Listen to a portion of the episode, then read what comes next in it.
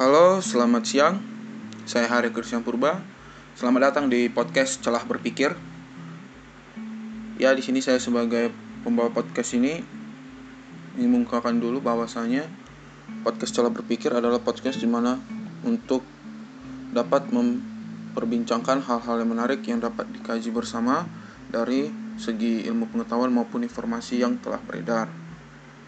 Di podcast ini juga sangat sebagai salah satu tempat untuk melatih diri saya sendiri untuk dapat mereview jurnal, menelaah informasi, dan juga menyebarluaskannya kepada kalian semua, yaitu para pendengar dari podcast telah berpikir. Oke, pertama-tama podcast telah berpikir ya sesuai dengan namanya di mana di situ ada celah kita untuk bisa berpikir, mengungkapkan nalar dan bisa disampaikan. Nah, di sini ada hal-hal belakangan ini yang cukup mengganjal di pikiran saya yaitu tentang konsep dari satanisme. Oke. Satanisme ini akan saya bawakan terlebih dahulu menurut pandangan pribadi saya menurut saya satanisme itu adalah suatu konsep pertentangan terhadap kebaikan terhadap agama-agama yang ada dan di satanisme ini menyediakan tempat untuk mengekspresikan kekecewaan terhadap konseptual dari agama yaitu mengatur kebaikan dan lain-lainnya. Kenapa ini menjadi perhatian? Karena di dalam belakangan ini ada hal-hal yang menarik seperti penyebar konsep-konsepnya ada juga informasi yang saya dapat bahwasanya penyebar luasan satanisme itu sudah dari bentuk film bentuk konser ada juga dan lain sebagainya dari media hiburan yang bersifat massal. Yang menjadi pertanyaannya ada apa dengan konsep satanisme ini karena konsep ini adalah konsep yang cukup old school.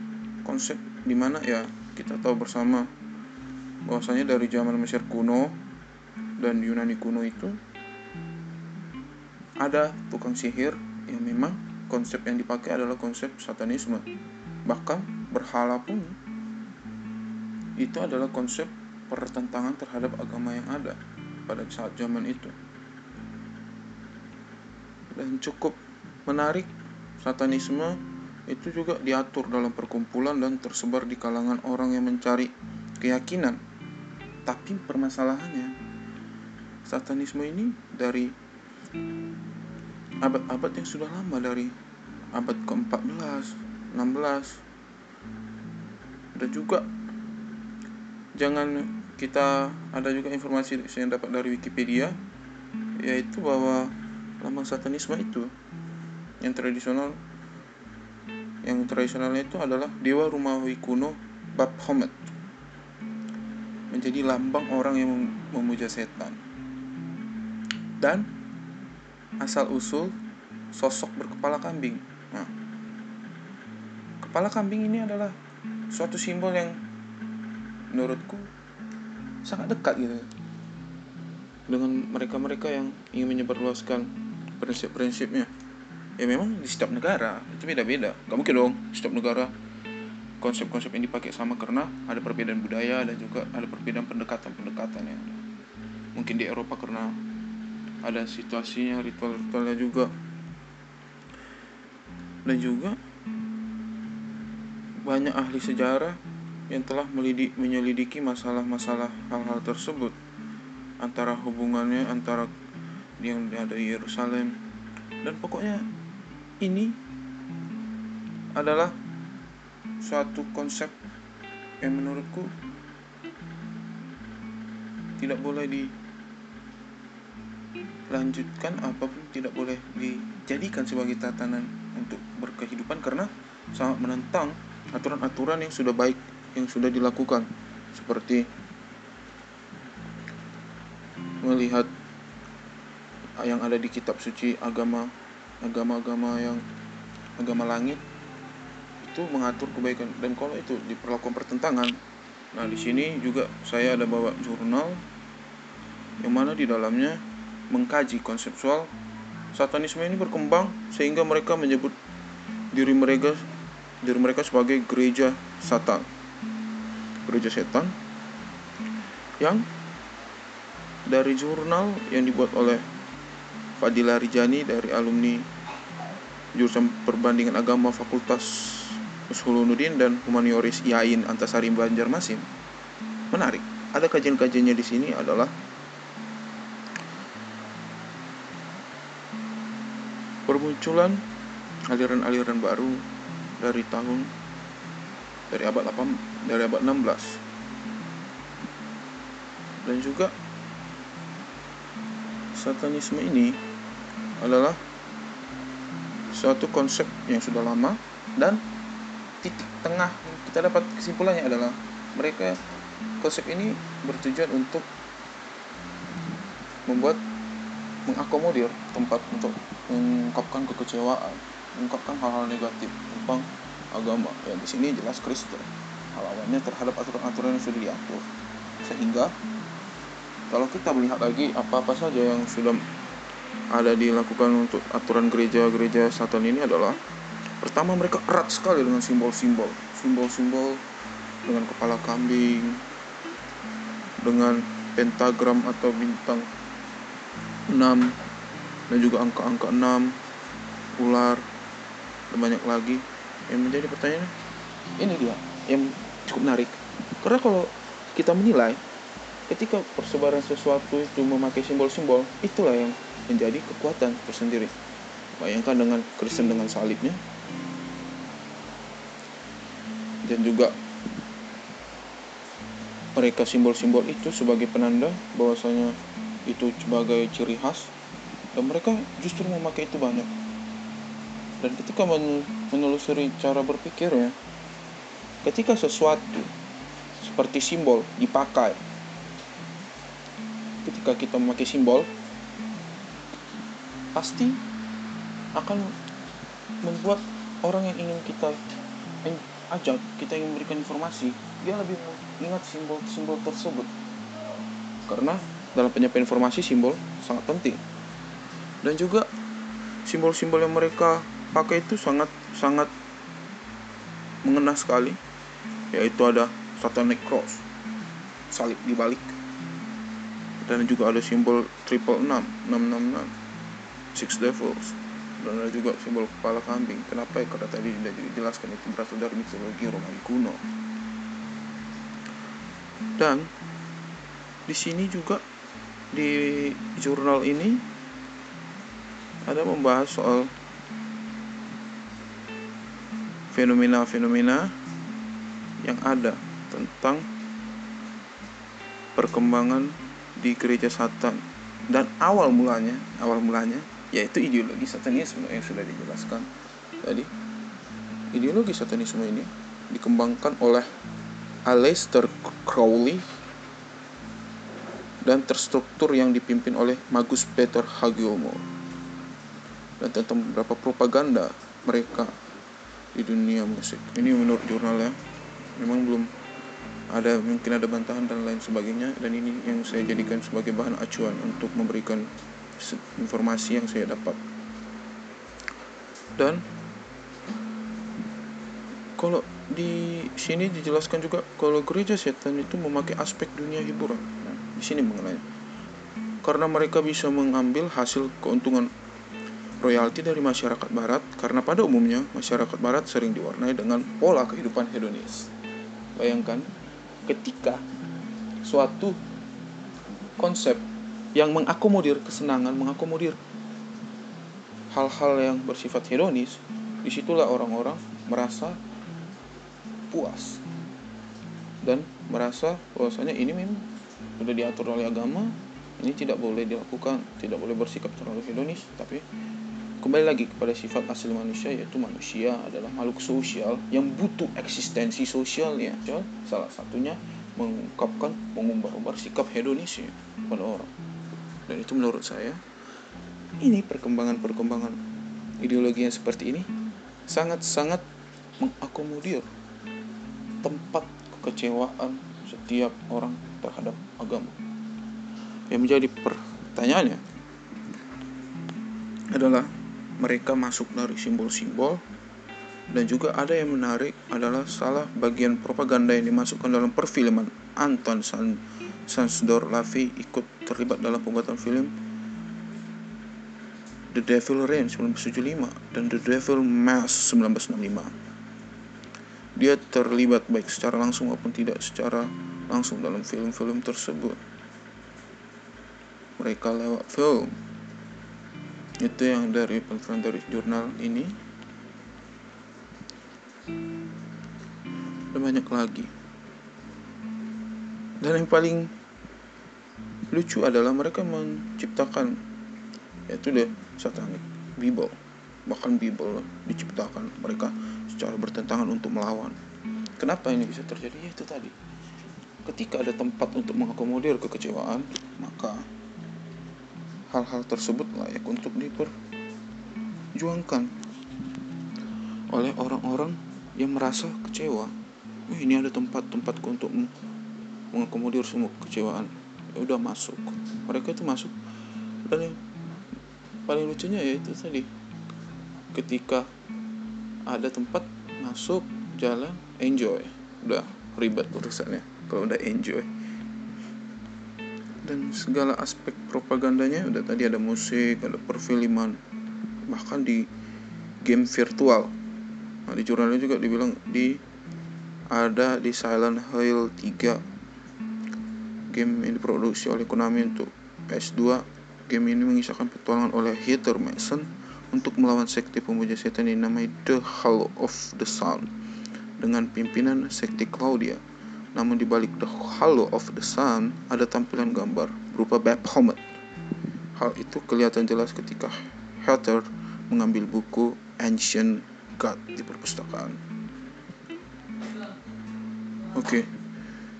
Dan juga ada di Sini diberikan juga hasil analisis sang pembuat jurnal dan hasilnya bahwasanya kajian sosiologi agama banyak berbicara tentang gerakan keagamaan, gerakan spiritual. Dalam buku kajian sosiologi agama karangan Betty. Scarf yang mengambil dari teori Ernest Trossledge mengatakan Gereja adalah satu lembaga yang terorganisir besar dengan struktur yang jelas dan bersifat keterbukaan, pelayanan yang teratur dengan waktu telah ditentukan dan dia lahir dari hasil kerja penebusan dosa, sedangkan sekte adalah kelompok yang berbentuk dari masyarakat sukarela yang bentuknya agak sedikit dan agak tertutup dan antar sesama penganut masih dalam keterikatan hubungan yang kuat dan sekte berasal dari masyarakat kelas bawah dan ia tidak punya teologi yang jelas akan tetapi mempunyai mitos yang kuat dan harapan besar untuk menatap masa depan. Dan di dalam buku Elizabeth K. Nottingham menjelaskan tentang denominasi. Denominasi aliran keagamaan adalah suatu kelompok yang stabil dan letaknya di antara gereja dan sekte. Sifatnya tidak terlalu keras dan berat, biasanya dikatakan ia adalah moderat. Sedangkan cult, mistisisme, hampir sama dengan sekte dan kelompok cult sering. Berada dalam kawasan metropolitan dan cult mempunyai kepemimpinan yang karismatik. Banyak kayak Eden dulu sekte-sekte yang sosok karismatik sangat karismatik. Udah banyak menjanjikan menjanjikan. Ya sekte lain lah. Tapi kalau untuk satanisme ya itu ada dalam bentuk gereja satan. Nah konsep satanisme ini sangat-sangat bertentangan dengan apa yang sudah dikaidahkan oleh agama dan ketika dilakukan ada ritual-ritual di gereja setan.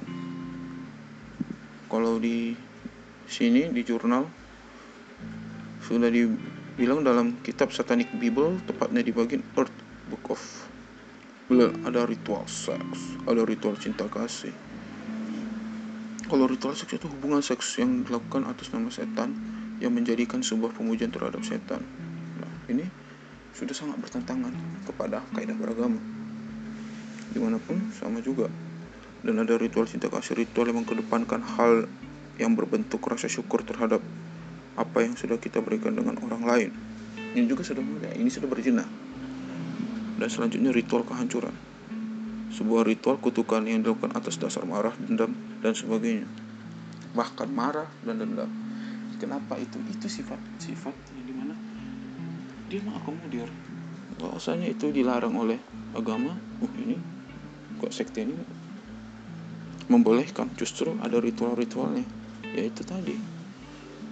Konsep dasarnya adalah di mana tempat untuk mengakomodir kekecewaan dan dapat mengekspresikannya di situ orang-orang yang kecewa akan berkumpul sehingga merasa nyaman ketika kenyamanan sudah didapat ya mereka akan menyebarkannya untuk merasa supaya orang-orang lain dapat merasakan kenyamanan yang sama. Itu. Jadi kalau ini dilakukan di sini dapat disimpulkan bahwasanya gerakan satanisme adalah gerakan yang berdasarkan dari hal berbau okultisme dari ya memang karena dari dulu juga sudah ada dari zaman Romawi kuno yang dengan penyihir-penyihirnya pada zaman itu masih relevan. Yaitu memang tadi penolakan. Sehingga ketika ditanya kenapa ini ada? Ya, karena itu tadi manusia diberikan kebebasan untuk berpikir kebebasan untuk berekspresi. Sehingga yang mana yang dirasakan tepat untuk dipilih kepada dirinya yaitu yang akan dipilih tapi setiap aliran juga berbeda-beda. Ini ada satanisme berbeda lagi dengan ateisme berbeda lagi dengan agnostik. Dan ketika membicarakan satanisme ini adalah dari dasarnya dari filosofinya sudah setan yang di mana itu adalah bertentangan dengan prinsip ketuhanan yang ada. Sehingga yang mana-mana negatif akan dipakai menurut si agama. Oke. Okay. sehingga bagaimana cara untuk suatu manusia yang di mana kalau ini dilakukan sudah melanggar hukum juga karena hukum dilakukan berdasarkan asas untuk saling saling menjaga hak asasi setiap manusia.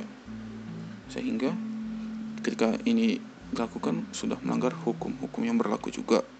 Dan bagaimana caranya untuk tidak terlibat ataupun tidak ter, tertarik ke dalam dunia-dunia yang seperti ini yang harus dilakukan adalah melakukan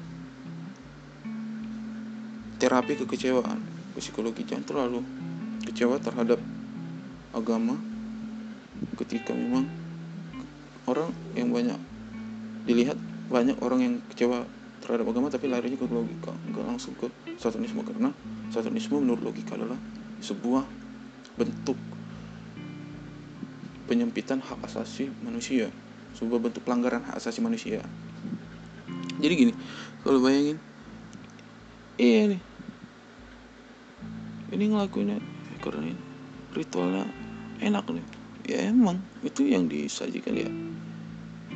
Keenakan-keenakan yang menurut kitab suci yang sudah dibaca menurut kitab suci agama ya memang itu yang ditawarkan oleh dosa ketika dilakukan akan berdosa yaitu dosa tadi konsep-konsepnya seperti ini. Dia bertentangan. Tapi satanisme menawarkan tempat untuk orang-orang berkumpul kecewa. Cara kita untuk menanggulanginya adalah terapi kekecewaan. Jangan terlalu kecewa terhadap agama itu sendiri terhadap aturan. Apalagi hidup di Indonesia dengan beragam dengan dasar Pancasila yaitu ketuhanan yang Maha Esa. Jadi kalau ditanya perbedaannya satanisme dengan Illuminati dengan Freemason jujur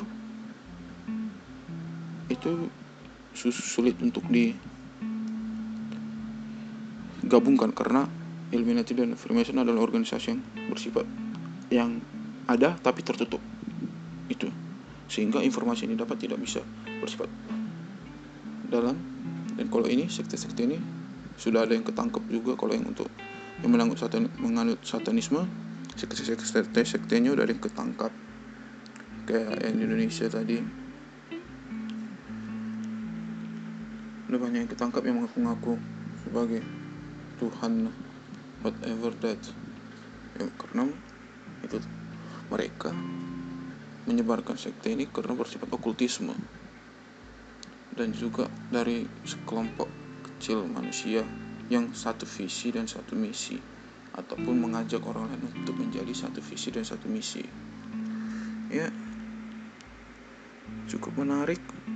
Propaganda-propagandanya juga menarik dari game virtual dari perfilman dan juga dari menarik lah karena persebarannya ya sama agama juga persebarannya dari hal-hal yang sama mereka mengikuti tapi dengan lebih lagi dengan simbol-simbol perlawanan mereka ketika ada simbol perlawanan di mana orang-orang sudah merasa kecewa ya dia akan melihat itu untuk sebagai indikator ketertarikan dia terhadap konsep dari satanisme ini oke okay. kira-kira itu sih yang bisa disampaikan pada episode kali ini tentang satanisme yang memang terlihat masih sangat kulit-kulitnya saja karena pergerakan-pergerakan dan juga sekte-sektenya yang diketahui di Indonesia dan juga di luar negeri. Ada juga udah di Swedia dengar-dengar gereja setannya udah ada ya karena ada menganut kebebasan hak asasi manusia udah kebebasan mau berpendapat kebebasan mengungkapkan membuat sekte kan aturan di berbagai negara-negara di Eropa.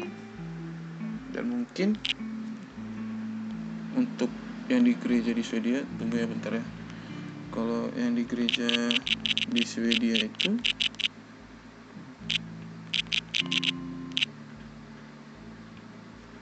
hmm, dari Okezon menarik komunitas pemuja setan diakui sebagai agama di Swedia. Dicatat di sini ya Okezun di 2 Agustus 2019 di sini juga di Swedia tepatnya gerakan-gerakan ini langsung di kelompok kuil The Satanic Temple. Mereka memiliki sekitar 100 pengikut lumayan dan sebuah kelompok aktivis dari Massachusetts Amerika Serikat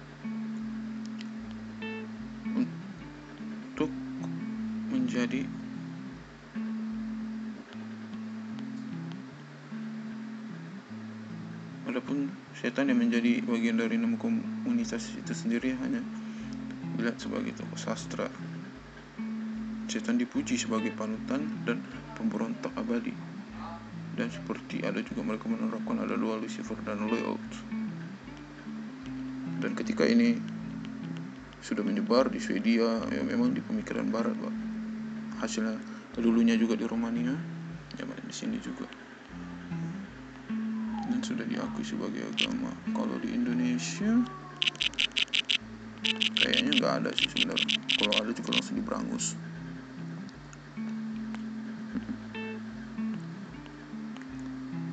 Ya cukup menarik. Dan baru Swedia yang pemerintah Swedia mengakui satanisme sebagai agama. Ya kan? Jadi pertanyaannya sekarang ada apa dengan satanisme ada penyebar luasan jawabannya. Jawabannya itu ada penyebar luasan dari konsep-konsep mereka yang mereka menjadikan tempat untuk orang-orang yang mungkin kecewa dengan hal-hal tersebut dengan seperti masalah LGBT perlindungan lingkungan. Kelompok sana juga memberikan handuk sanitasi dalam sebuah proyek yang disebut menstruasi dengan setan. Cukup cukup menarik orang untuk ikut. Apalagi sekarang ada dari Facebook persebarannya. Ini juga dicatat oleh tempo.co yang ditulis oleh Eka Yuda Saputra terbit Sabtu 3 Agustus 2019 dan catatan yang utama adalah pemerintah Swedia melegalkan ajaran kelompok satanisme yang membuat setara dengan agama lain. That's sampai pen stop menurut Menurut surat kabar Dagen, seperti dikutip Sputnik, 2 Agustus 2019 komunitas setanis Swedia setelah diterima sebagai denominasi agama oleh Badan Layanan Hukum, Keuangan dan Administrasi Swedia. Jadi, kalau kita melihat perkembangan-perkembangan ini, ada ada kepentingan kepentingan setiap orang kalau di Swedia mungkin aturan-aturan tidak mengatur itu ya kelompok satanismenya diterima dan juga mungkin ada sekelompok orang yang sudah mulai jenuh atau kelompok yang mulai kecewa ya mereka tidak ke situ. Dan menjadi pertanyaannya apakah ini akan menyebar luas ya jelas. Ada apa dengan satanisme mereka akan menyebarluaskan lagi. Karena mereka akan merangkul orang-orang yang kecewa dan tidak bisa menanggulangi yang tidak bisa menterapi kekecewaan mereka.